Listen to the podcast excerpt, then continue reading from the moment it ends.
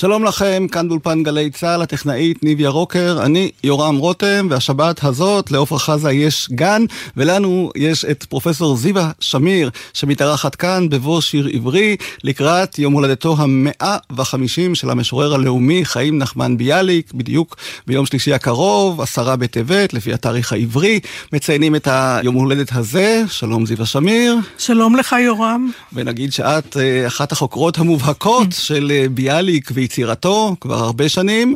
ולאחרונה. כן, ולאחרונה גם אה, קיבלת את פרס ביאליק לחוכמת ישראל, נכון? מטעם אה, עיריית תל אביב, פרס מכובד על מפעל חיים, שהתייחס בין היתר לעובדה שאת אה, חקרת את ביאליק והוצאת כבר כמה ספרים על שיריו ויצירתו. יותר מתבשר ספרים ועוד היד נטויה.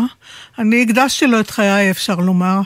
כן, ובנימוקי השופטים כתבו uh, שאת, uh, הפרס ניתן לך על מכלול יצירותייך ומחקרייך המקוריים, המגלים פנים בלתי מוכרות ביצירה הספרותית העברית בכלל, והן בשל תרומתך רבת החשיבות והמקורית ביותר לחקר יצירתו של המשורר הלאומי חיים נחמן ביאליק. אז תודה שהגעת אלינו היום כאן לאולפן. תודה שהזמנת אותי. אנחנו נשמע כמה מהשירים המולחנים, המוכרים של ביאליק, כי אנחנו בכל זאת עוסקים בפזמונים, בשירי זמר. הוא אגב ייחס להם את אותה חשיבות שהוא אה, ייחס ליצירותיו האחרות, לפואמות, לספרים. הוא היה מאוד מרוצה מהרעיון לכתוב שירים ופזמונות. הוא אפילו כתב לחבר שלו, דרויאנוב, שידוע כעורך אה, ספר הבדיחה והחידוד, הוא אמר לו, יש בזה פיקנטיות מיוחדת, שכותבים פזמונים ושירי עם, שירי זמר, בשפה שאיננה מדוברת. עד אז לא היה דבר כזה. ומתי הוא בעצם זכה לתואר המשורר הלאומי? מתי הוא ענק לו התואר הזה? זה קרה אחרי uh, טבח קישינב, שהוא כתב את בעיר הרגע.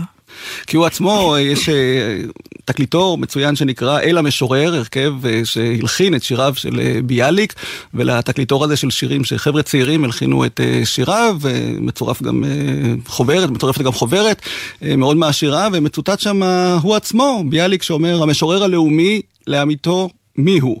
זה שמזוגים בו הלאומי והאוניברסלי. ובמקום שאתה מוצא את לאומיותו, שם תמצא תמיד גם יסוד אוניברסלי. אלו דברים שאמר לסופר נתן ביסטריצקי, ואני חושב שזה מתאר את uh, ביאליק, את השקפת עולמו, וגם את העובדה שאנחנו שרים את שיריו עד היום. וזה לא התיישן כמלוא הנימה עד עצם היום הזה. זהו, וגם השירים של ביאליק נשארו אהובים, ממש קלאסיקה ישראלית שלא מתיישנת, וכל הזמן שבים ומקליטים אותם, ואת בחרת ככה עבורנו כמה מהשירים הידועים ביותר, או השירים שלדעתך כדאי להשמיע בשעה שלנו. פתחנו עם יש לי גן. כאמור, הלחן החום נרדי, יש לו כמה לחנים לשיר הזה. השיר הזה, כשמישהו שומע אותו יכול להתרשם שהדוברת היא נערה מאושרת, שיש לה גן ויש לה באר, ויש לה גם חבר אהוב שפוקד את מעונה כל שבוע, אבל לאט לאט מתברר שהגן והבאר והכל זה מטאפורות, וגם הבחור אינו ממלא את הבטחותיו, והיא נשארת לבד, זה בסך הכל שיר עצוב. טוב, אני אקרא במילי את המילים של ביאליק שוב, אחרי ההסבר שלך, ואגיד שאני למדתי אצלך באוניברסיטה, קורס על שירת ביאליק, לא נגיד לפני כמה וכמה שנים. היה מרתק, ואני שמח שנוכל לשמוע גם את ההסברים שלך לשירים שנשמע, אז בואי נמשיך אולי באמת עם השיר הראשון של ביאליק, שאי אפשר בלעדיו, אל הציפור. בהחלט, בהחלט. זה נחשב השיר הראשון שלו, אבל למעשה הוא כתב שירים לא מעטים לפני זה. אל הציפור זה השיר הראשון שבא בדפוס. אהה. בכתב עת של אחד העם, כתב עת בשם פרדס באודסה, והשיר התחבב מהרגע הראשון. אנשים שמו לב לאופי העממי שכל כך uh, מדבר אל הלב. ובאמת היה לשיר הזה נוסח קודם, שבו הדובר הוא אדם זקן, שמבכה את אשתו שמתה, ואת העז שמתה. כולם מתו סביבו, הוא נשאר לבד. וזה היה בעצם פרודיה על השירה של משוררי חיבת ציון, שדיברו על עוד דונם ועל עוד עז, ולא קלטו שהציונות רוצה להעלות את היהודי מעלה-מעלה למחוזות אחרים. אז uh, השיר הזה, הדובר בו הוא מין נוח. אגדי כזה, שאומר, כבר כלו הדמעות, על משקל הכלו המים, והוא מחכה לציפור כמו אותה ציפור שהביאה את הענף לתיבת נוח. שיר די מורכב, למרות שהוא נראה מאוד עממי ופשוט. ונזכיר רק שביאליק התחיל לכתוב אותו בגיל 17, וסיים אותו כעבור שנתיים. זאת אומרת, הוא שקד כן, על כתיבת השיר. כן, זאת הייתה גם איזו עבודה קולקטיבית של כמה חברים בישיבה, והשיר הזה עבר הרבה גלגולים עד שהוא התפרסם, אבל מרגע שהוא ראה שאפשר לפרסם, אז הוא כבר uh, לקח את המשימה על כתפיו. ונזכיר שהיו לו במקור 16 בתים, אנחנו כן. לא נשמע את כולם, כי נחמה הנדל הקליטה אותו בליווי הגיטרה שלה לתקליט המופלא של שירי ביאליק, שהיא הקליטה באמצע שנות ה-60, ובעצם גאלה שירים רבים שלו בזכות העובדה שהיא הקליטה אותם, ואחרים יכלו לשמוע ולהשמיע. שלום רב שובך ציפורה נחמדת, מארצות החום אל חלוני, אל קולך כי ערב מה נפשי חלתה, בחורף בעוזבך מעוני. אל קולך כי ערב מה נפשי חלתה, בחורף בעוזבך מעוני.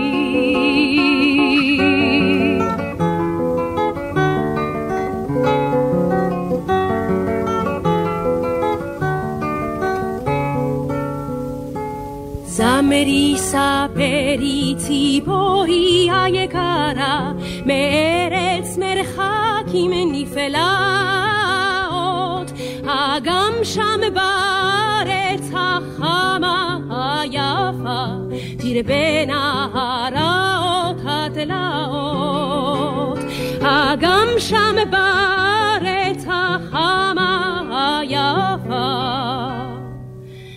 בין הרעות התלאות. הירד כפניני מהטלל הר חרמון, אם ירד ויפול כדמעות. ומה שלום הירדן ומימה והבהירים, ושלום כל ההרים הגבעות. ומה שלום הירדן והבהירים, ושלום כל ההרים הגבעות.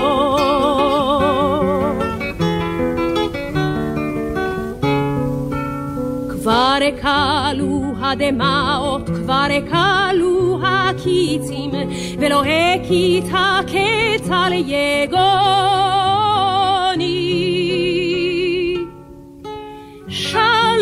שלום רב שובך ציפורי היקרה, צלינה קולך ורוני. שלום רב שובך ציפורי היקרה, צלינה קולך ורוני.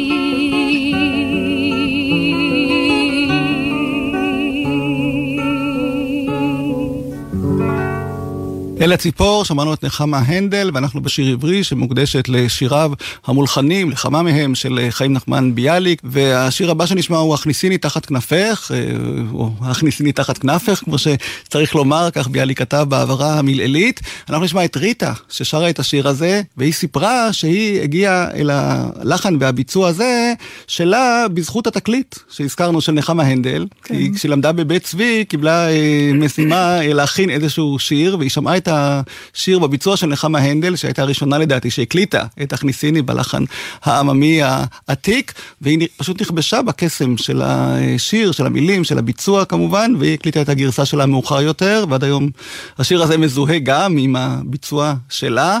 ובדרך כלל כשמדברים על שירי ביאליק המולחנים, אז הכניסיני תחת כנפך הוא אחד השירים שתמיד מזכירים בתור אחד השירים של ביאליק, גם לא? גם אריק איינשטיין. גם אריק איינשטיין וגם יורם גאון. זה נראה לכאורה שיר מאוד אישי. כאילו הוא מקונן כאן על, אה, על חייו הפרטיים, אבל כשנשאלת השאלה, אומרים נעורים יש בעולם, היכן נעוריי? אומרים אהבה יש בעולם, מה זאת אהבה? אלה הם שאלות שכל ילד יהודי, אולי גם כל ילד בעולם, יכול היה לשאול. בעיקר ילד יהודי ששלחו אותו לחדר בגיל 4-5, ולא היו לו משחקים, ולא היו לו, לא הייתה לו ילדות. וגם שחיתנו אותו בנישואי קטינים, בשנות הנעורים שלו, ולא היו לו נעורים. אבל יש פה גם מומנט אישי, כי כשביאליק כתב את השיר הזה, התאהבה בו הציירת שיירה את כתביו, עיר היין, התאהבה בו עד כלות, והוא כבר היה נשוי עשר שנים ללא ילדים, והייתה לו התלבטות גדולה אם לחזור הביתה או לא. וכל אחת מהנשים בחייו, אילו ידע לקרוא עברית, לא מניה ולא עיר היין יכולות היו ממש להבין את שיריו אה, ולקרוא אותן בשפת המקור, הייתה יכולה להיות בטוחה שהשיר נכתב למענה.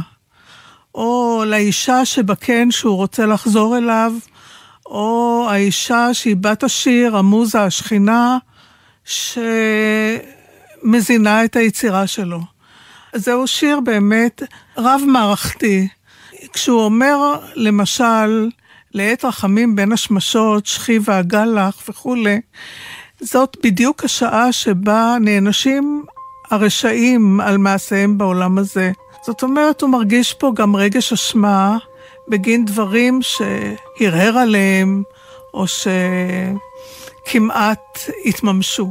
אבל בסופו של דבר הוא נשאר עם אה, מניה אשתו, כל השנים בסופו של דבר הוא נשאר איתה, ואילו היה מעריך ימים כמוה, הם היו נשואים 80 שנה, וואו. כי היא האריכה ימים כמעט עד גיל 100.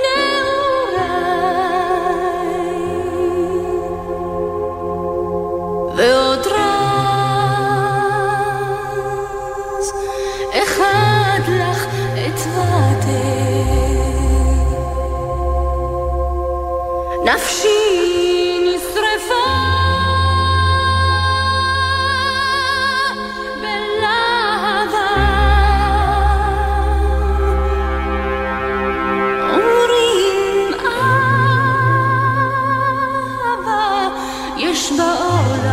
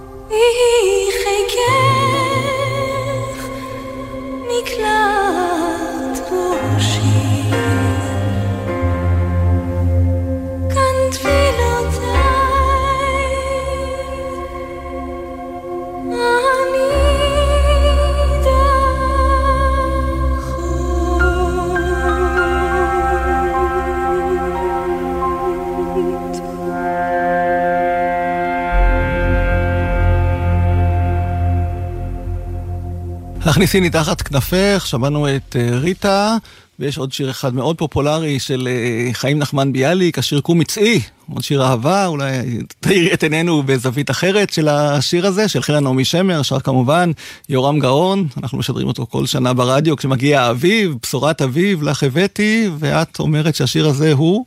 טוב, זה באמת אה, שיר של בשורת אביב, שמעוררת את האדם לפעול בכל התחומים. קורא כאן לאהובה, אחותי קלה, וזה כינוי שיש פה גם משהו אירוטי, אבל גם משהו אפלטוני, קשה לדעת, כי אלה הם ביטויים שמייחסים אותם גם לשכינה, לכנסת ישראל. השיר הזה מראה את האהובה שהיא לבושה כולה לבן, כמו פריחת הדובדבן. אבל למען האמת, אחד העם שביאליק העריץ אותו, לא אהב שירי אהבה, הוא לא רצה לפרסם אותם. הוא אמר ששירי אהבה אפשר למצוא בכל השפות כמה שרוצים. וצריך לכתוב שירים יותר לאומיים, יותר uh, רציניים, וביאליק uh, כפף את ראשו ונענה לדרישות שלו. אבל הוא רצה גם לכתוב שירים קלים, שירי אהבה קלים. וכזה למשל גם בשל תפוח, ששלמה ארצי הלחין. כן. כי הוא רצה שהספרות העברית תהיה גם קצת מערבית וקצת קלילה, ולא כל כך כבדה ולא כל כך אגמומית. אז uh, הוא כתב גם שירים כאלה, מלאי אור ואווריריים. הוא לא חשב שילחינו את השירים שלו יום אחד, נכון? זאת אומרת, הוא כתב כשיר, או כשיר אה, זמר, או כשיר רגיל. התחילו להלחין. את שיריו כבר בחייו.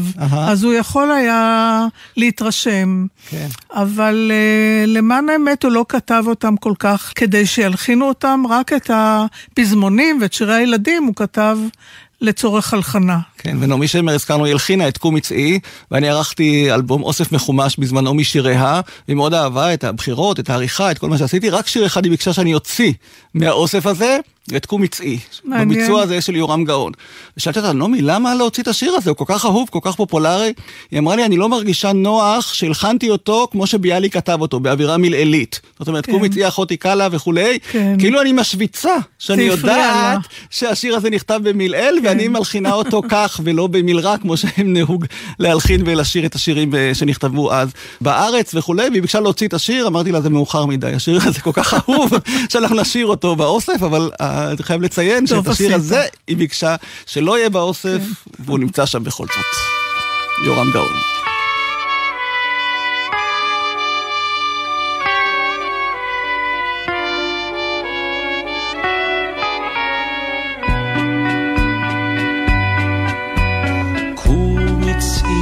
אחותי כלה, קומצי, קומצי בשורת אביב לך הבאתי, מאחורי גדר גני, ניר עציץ, ניר עציץ, נשמתו להדרור על ביתי.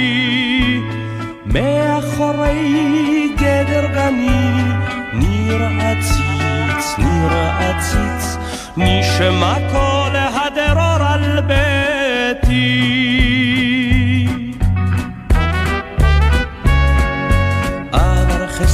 אלה בארץ על כנף אור, על כנף אור, ובפלגים נפלה רינה. לי ולב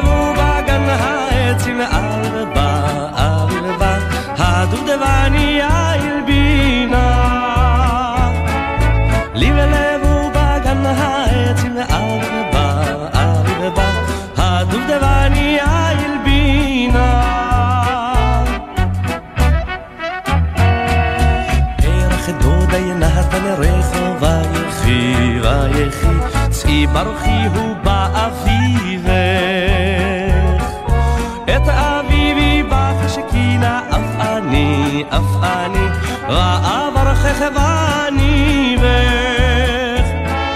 את אביבי בך שכינה אף אני, אף אני, ועבר חכבני בך.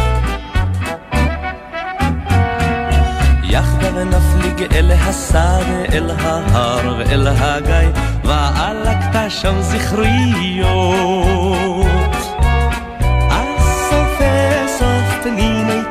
פניני טל, אל צווארך מרגליות.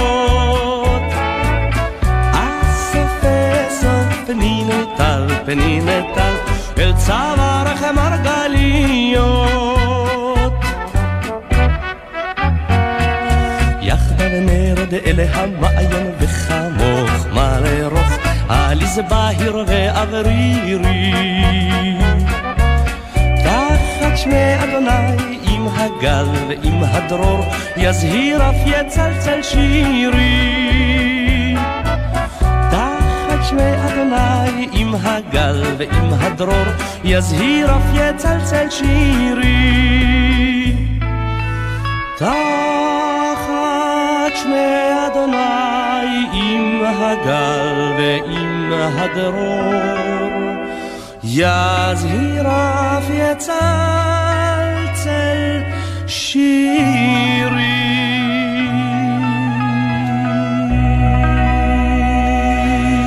קום הצליח אותי כלה, שר יהורם גאון, אנחנו בתוכנית שמוקדשת לשיריו ושירי הזמר של חיים נחמן ביאליק, 150 שנה להולדתו, נציין השבוע, איתנו ארוחת פרופסור זיווה שמיר, אמרנו כבר בפתיחה שאת חוקרת את יצירתו של ביאליק כמעט מתחילת דרכך, איך הגעת בעצם לביאליק? למה דווקא הוא? מבין כל היוצרים, המשוררים, הסופרים? אולי תתפלא, אבל כשהתקבלתי למכון כץ לחקר הספרות העברית ב-1970, ושיבצו אותי בצוות של שירי ביאליק, אני די התאכזבתי, כי באותו זמן אני למדתי תואר שני בספרות אנגלית, והכרתי את שירי טי.אס. אליוט ועזרא פאונד ודילן תומאס. וחשבתי ששירי ביאליק הם מאוד פשוטים ושאין מה להגיד עליהם.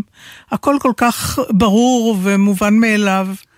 רק במאוחר התחלתי להבין שהעומק של השירים האלה הוא כזה שאם מכפילים את העומק ואת השטח הנגלה לעין, מקבלים תוצאה אינסופית. כן, ואמרנו אה, שכתבת 12 ספרים עליו, והאחרון נדמה לי נקרא אבני חן, מאוצרות לשונו של כן. ביאליק, ממש יצא לפני שנתיים. כן. יש עוד מה לחקור בשירתו של ביאליק? לא הכל כבר נאמר על כל יצירתו, כולל הספרות, הדרמה, שיר הילדים וכולי? יש הרבה מאוד מה לחקור. ואני מקווה שבדור הבא יקומו חוקרים צעירים ויחקרו. אני רוצה להקדיש זמן לחפש את המחזה שביאליק כתב בארץ ישראל, הוא נגנב מארכיון ביאליק ונעלם, ויכול להיות ש... אז הנה, אולי מאלה ששומעים עכשיו את התוכנית שלנו, יש מישהו שיודע ויוכל לעזור בפתרון התעלומה מי הזאת. מי יודע, אני... שנת המאה ה-50 להולדתו, עיריית תל אביב מתכננת, אני יודע, אירועים לאורך כל השנה הקרובה. אני מצאתי כמה שירים לא ידועים של ביאליק. וכללתי אותם באחד מספריי, ואני מקווה שעוד אני אמצא גם את המחזה האבוד. ונזכיר רק שכל האירועים שיערכו השנה לציון יום הולדתו המאה וחמישים של חיים נחמן ביאליק, הם במסגרת פרויקט של בית ביאליק שיזמה אה, איילת ביטן שלונסקי עם עיריית תל אביב-יפו, ונמשיך עם השיר אה, בין ההר פרת ונהר חידקל, שגם הוא שיר שיש לו אה, כמה וכמה לחנים, לא? אז השיר הזה הוא השיר הראשון שביאליק חתם עליו כאין שירי עם. הוא פרסם אותו כשיר שפותח סדרה. כי הרי, למה כאין? כי הרי זה לא שיר עם אותנטי. זה שיר שמושפע מכל מיני מוטיבים בשירי עם אותנטיים, שביאליק כסופר גדול איבד אותם, וגם כתב קצת באירוניה, לא, לא ממש קיבל את הדברים כפשוטם. הנערה כאן שולחת את הציפור למרחקים שתביא לה את בן הזוג. ומציידת אותו בכל מיני עצות. ואם הוא לא יסכים, תגידי לו כמה אני עשירה, והמושגים שלה על עושר הם מאוד מאוד פרובינציאליים כמובן, אבל היא שוברת את כל המוסכמות. כי בת ישראל כשרה לא צריכה לדבר על התשוקות הליבידינליות שלה. היא אמורה לחכות לתלמיד חכם, ולא לאיזה פרחח עם בלורית שחורה ואש הנוער בעיניים, אה, שיבוא רכוב על מטאטא. יש פה הרבה שבירה של מוסכמות, בעיקר אה, הרצון שלה לזכות בנישואי אהבה. זה היה דבר שלא שמעו עליו עד אז. כולם התחתנו בשידוך, כולל ביאליק. וכאן אה, הכל הפוך. אז ביאליק בעצם מורד במוסכמות, את אומרת. יש פה מרד במוסכמות, אבל כאילו הוא אומר בשירי האהבה הפזמוניים האלה, הוא כאילו אומר, אי אפשר להשתנות בן לילה. אם הנערה היהודייה רוצה להיות גם נערה מודרנית וגם להתחתן נישואים, אה, בנישואים אה, כמו פעם, זה לא הולך ביחד. זה צריך לבחור או להכשיר את הלבבות, כמו שאמר אחד העם. צריך להיות פה איזה תהליך אבולוציוני ארוך של הכשרת הלבבות. אז נשמע את אורה זיטנר שרה את בן הר פרת ונהר חידקל בשני לחנים שונים, הראשון של גילל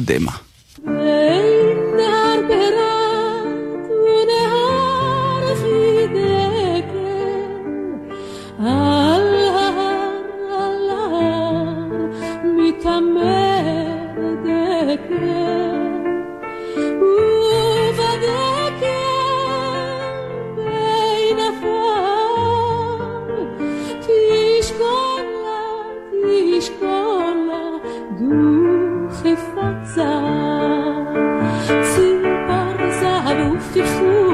ציובה שלי בן זוגי, ובאשר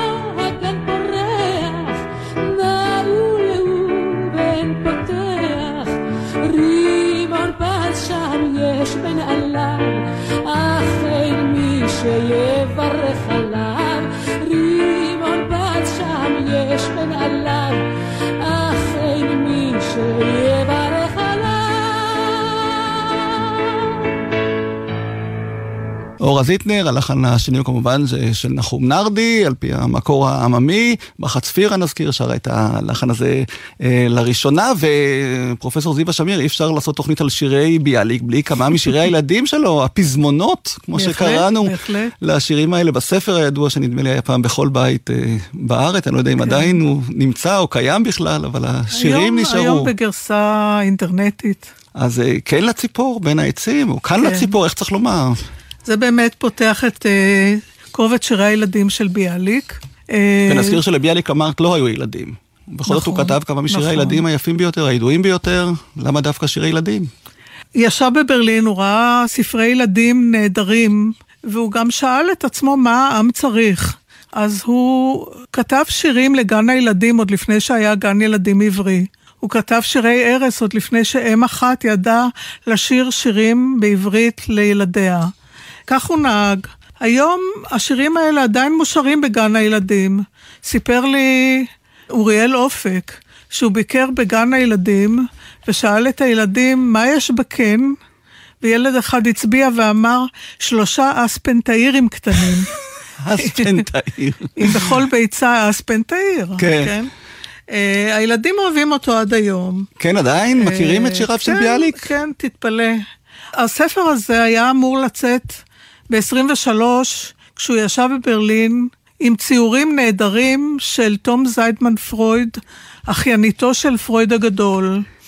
אבל זה לא יצא לפועל מכל מיני סיבות, וזה יצא עשר שנים מאוחר יותר, ממש ערב אה, פטירתו, יצא הספר עם האיורים של אה, נחום גוטמן, שביאליק הכיר אותו מגיל חמש-שש. הוא היה משתעשע איתו על הספה עוד באודסה, והיה קורא לו אלף בייס, אלף בייס, אבא קנה לנו אייז. ככה הוא לימד אותו לקרוא. אבל אם אני אגיד לך שזהו שיר פוליטי, באמת? אני חושבת שאתה תתפלא. ממש. כן. בואי תסבירי למה כי- פוליטי. למה פוליטי? כי ביאליק, כמו שאמרתי, הוא היה מעריץ של אחד העם, ואחד העם הרי האמין במתינות, באבולוציה, בחינוך, הוא קרא לזה הכשרת לבבות, וכאן יש המלצה לא ללכת בחיפזון, לא בפחז, לא לקלקל משהו שדגרו עליו ממושכות.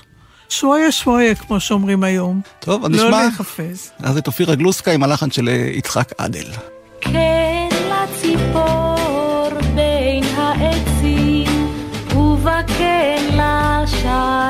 boş ve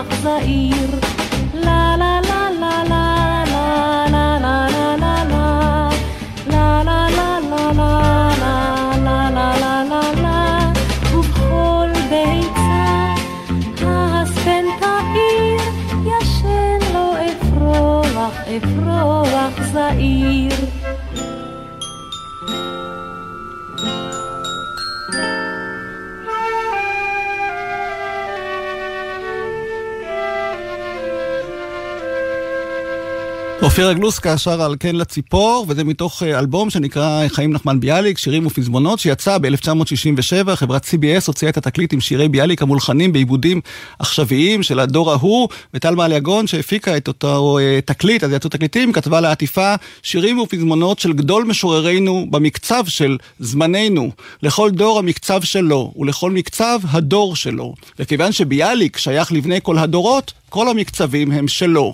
מכאן הרשו לעצמם עורכי התקליט הזה, המיועד לכל ילד וילדה מגיל 6 ועד 60 ועד 120, להביא זר שירים ומנגינות מני אז, בלבוש חדש וטיפ-טיפה של ג'אז.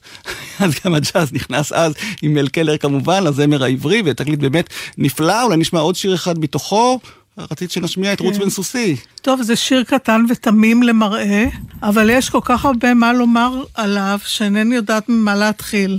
אז קודם כל, תראה את הציור של נחום גוטמן, ילד על סוס צעצוע, בתוך חדרו, עם חולצה רוסית ועם כאפיה על הראש. זה היה הלבוש של אנשי השומר, שביאליק ראה אותם בביקורו הראשון בארץ. אבל יש פה רוץ הטוסה, יש פה טיסה, הדהרה היא כמו טיסה. כי הסוס הזה יכול גם להפוך לציפור, כמו בהרבה משירי ביאליק, שבהם הסוס הופך לציפור וטס גבוה גבוה, כמו פגסוס מהאגדה, שהבקיע את מעיין המוזות בפרסותיו, או כמו אלבורק מסיפורו של מוחמד.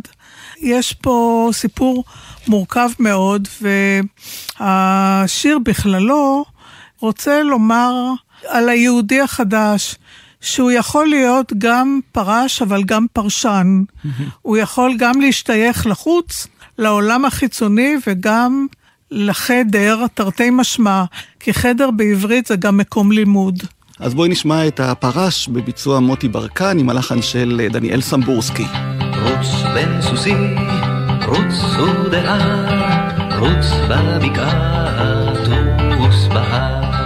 רוצה טוסה יום וליל פרשני, ובן חיל רוץ בן סוסי, רוץ ודעה, רוץ בבקעה, טוס בהר.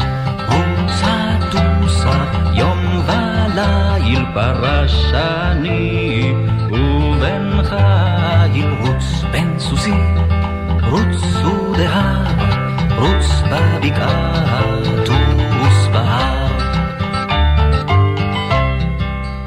ויש עוד שיר אה, ילדים שאני למדתי אצלך כאמור בקורס על שירת ביאליק, שיר שנקרא אה, בערוגת הגינה, בגינת בגינת הירק, הירק, השיר כן. המפורסם הזה ששר נכון. שולה חן, ואת הסברת לנו אז באוניברסיטה שבעצם זה לא כל כך תמים כמו שזה נדמה לנו השיר הזה, ואני זוכר את ההסבר שלך והייתי שמח אם היית חוזרת עליו כאן בתוכנית לטובת המאזינים טוב. שלא למדו אצלך. אז אפשר uh, לראות בזה שיר של זיווגים, כי בכל זוג כאן, פרט לבולבוס ולאפון שבסוף הרשימה, יש בן זוג שמתאים לו בצבע או בצורה, או ששייך לאותה משפחה וכדומה, ולפעמים דווקא הניגודים נמשכים. יש לנו פה צנון עם אחות המלפפון, איזה גבר שמנמן והגלגל ונמוך, עם אישה גבוהית, עגנון היה אומר גבוהית.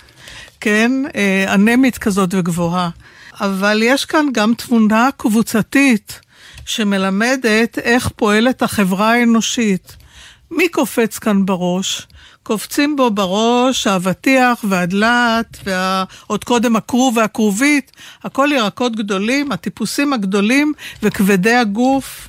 ובסוף הרשימה, בולבוס, בצל, שום, זה סמלים של היהודי העני, שיש ילדים רבים על צווארו, והבצל והשום ליוו את בני ישראל עוד מיציאת מצרים. והם אינם רצויים בחברה, היהודים האלה.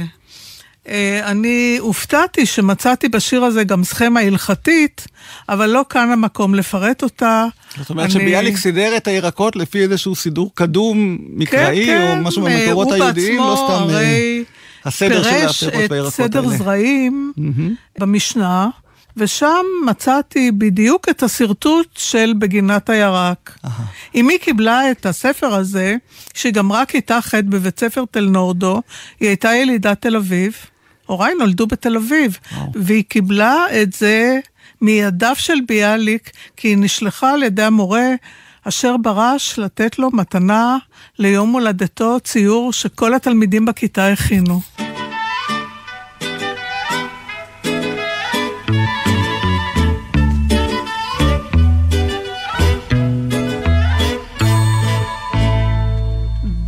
madrugada.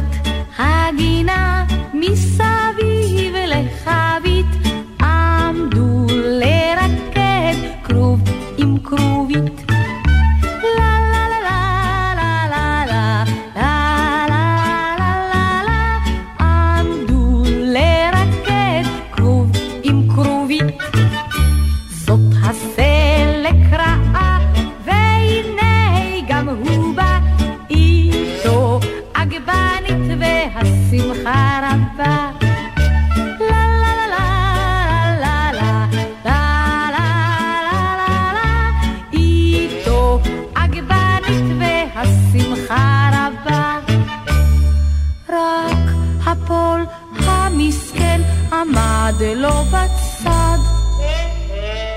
הוא נשען על מקלו, לא נע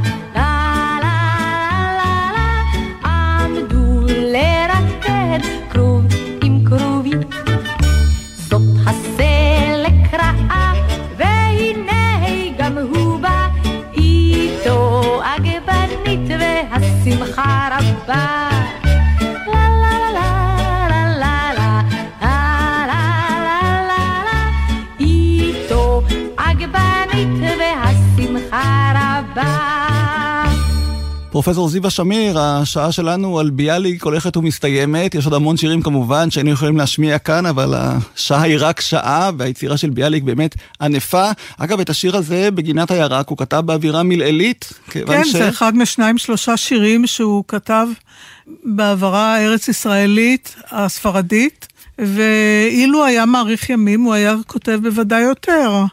אה, הוא רצה להשתלט על העברה החדשה. והוא חשש שכל השירים שהוא כתב בעברה האשכנזית ייעלמו מעל המפה.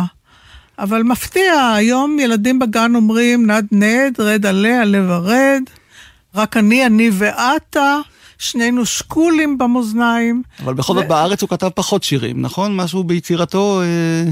השתתק? לאו דווקא, חושבים שהוא הפסיק לכתוב, אבל זה פשוט לא נכון. הוא כתב לא מעט, רק חלק מהדברים נעלמו לאחר שהוא אה, נסע לניתוח שממנו הוא לא שב. ממה מ... הוא נפטר בעצם? בתקופת המלחמה והמהפכה הוא סבל מבעיות בדרכי השתן, כי אפילו מים טובים לא היו לשתייה. והוא נסע לעבור ניתוח בווינה. אני חושבת שאילו היה עובר את הניתוח בתל אביב, לא היה קורה דבר. אבל שם לא ידעו מי זה ביאליק, והזניחו אותו, והוא הלך לעולמו, בקושי מלאו לו 60. כמה חבל. אבל היה לו הספק אדיר כמובן, עד כן. בכל תחומי היצירה. והשבוע נציין כאמור 150 שנים להולדתו, ויהיו עוד הרבה אירועים אה, שבהם בטח יוכלו לשמוע ותוכלי לספר את מה שלא הצלחת לספר כאן בשעה הזאת שלנו. ואני רוצה לסיים עוד בציטוט של אה, ביאליק, כשהוא שוחח עם הסופר מרדכי עובדיהו, הוא אמר דור דור ומשורריו. חוששני שבעוד שניים שלושה דורות ישכחו גם אותי ואת שירתי.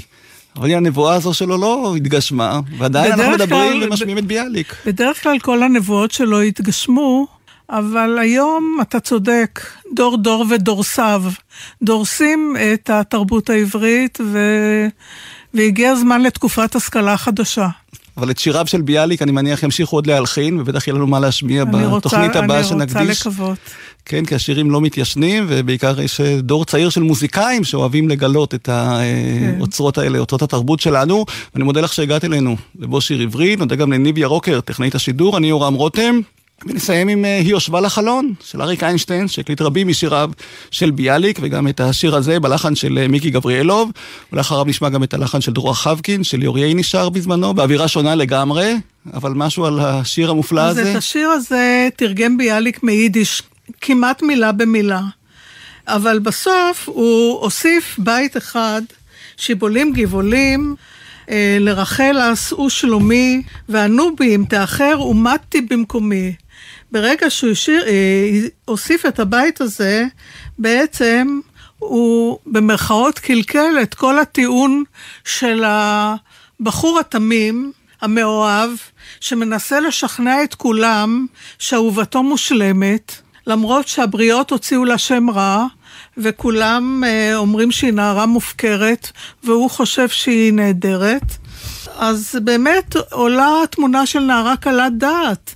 בסוף השיר, כזאת שקובעת פגישה במשעול הקמה בלילה, להתגפף עם האהוב שלה באין רואים, זה ממש לא מתאים לבת ישראל כשרה מהנוסח הישן. מהנוסח של תקופתו של ביאליק. נשמע את השיר של חין מיקי גבריאלוב, פרופסור זיווה שמיר, תודה רבה לך, ושוב אה, ברכות על פרס ביאליק שקיבלת אה, השנה, פרס אה, מפעל חיים לחוכמת ישראל, ובשעה האחרונה הוכחת בקצת למה הפרס הזה כל כך מגיע לך. תודה רבה. תודה לך.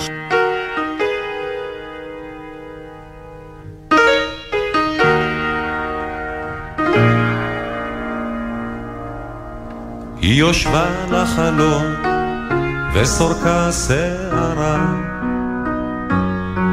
בעיניכם היא פרוצה ובעיניי היא ברא אומר לי מר ליבי היום עלי רע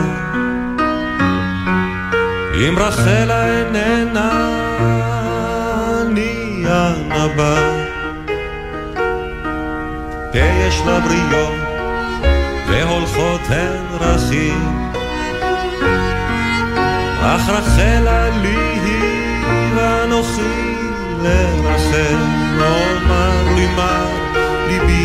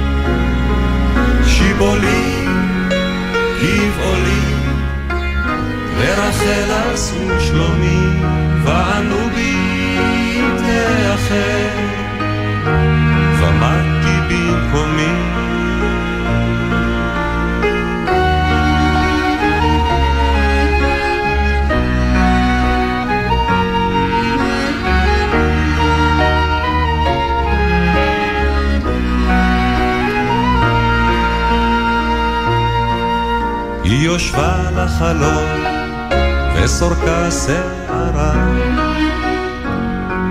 ועיניכם היא פרוצה ובעיניי היא ברא. אומר לי מה ליבי היום עלי רע. אם רחלה איננה, אני הנבא.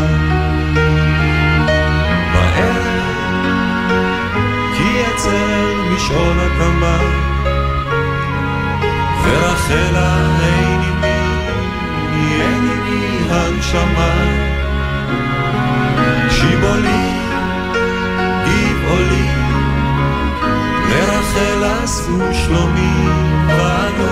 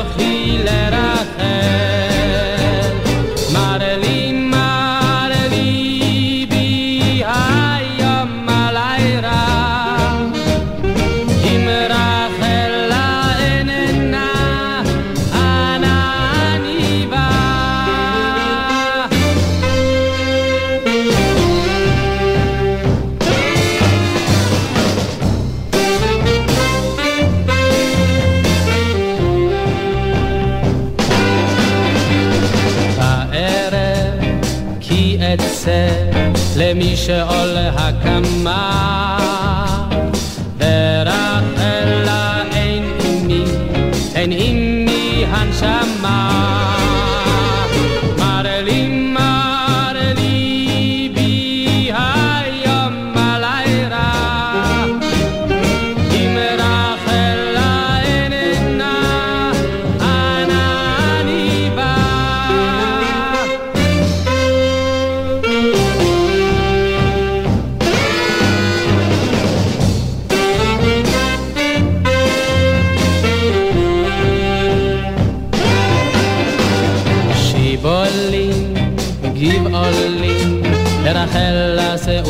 me.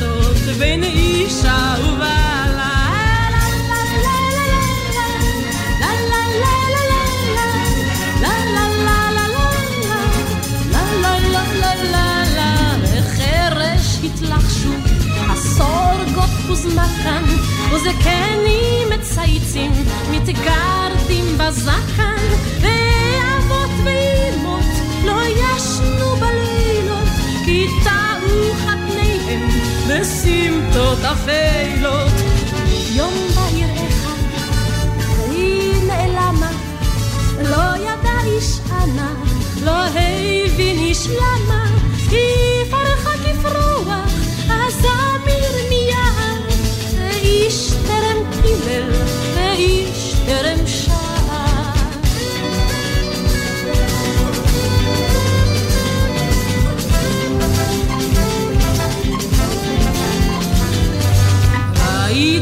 צחוקה תתהגר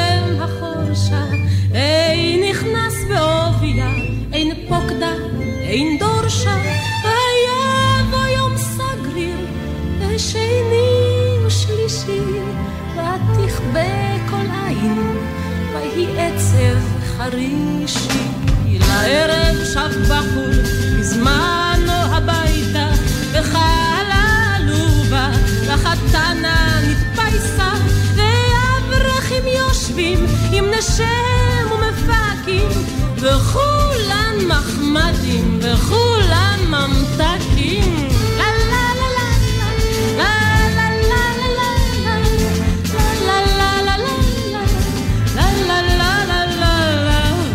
תשבות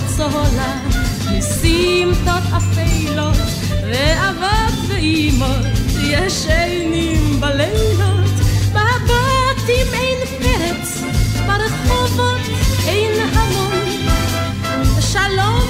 ושלווה בעיר, ושימה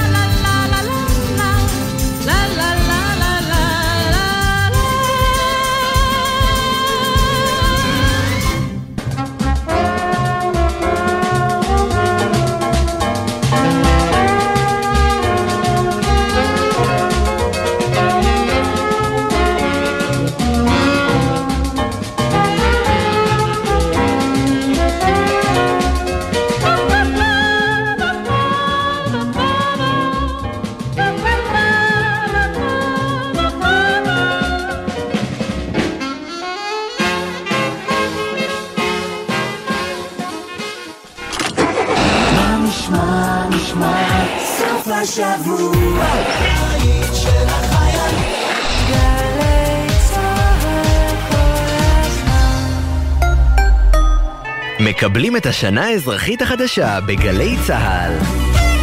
הערב בשמונה, חגיגת נוביגוד. אלכס ריף וריקי בליך מארחות סביב שולחן החג. בעשר, אלמוג שור ודניאל מורשת מקבלים את השנה החדשה עד רגע הספירה לאחור. ובחצות, מסיבה. איחוד שידורים עם גלגלצ אל תוך הלילה. שנה אזרחית טובה מגלי צה"ל. כל שבת ב-10 בבוקר, יורם סוויסה לוקח אתכם למסע מוזיקלי. והשבוע, מסע עם האחיות קרקוקלי. אתן רבות גם לפעמים? בטח. הקשר שלנו הוא האהבה הכי קיצונית, והמזל שלנו, שמבחינה מוזיקלית, הטעם שלנו הוא כמעט זהה. מסע עם יורם סוויסה, הבוקר ב-10, ובכל זמן שתרצו, באתר וביישומון גלי צה"ל. מיד אחרי החדשות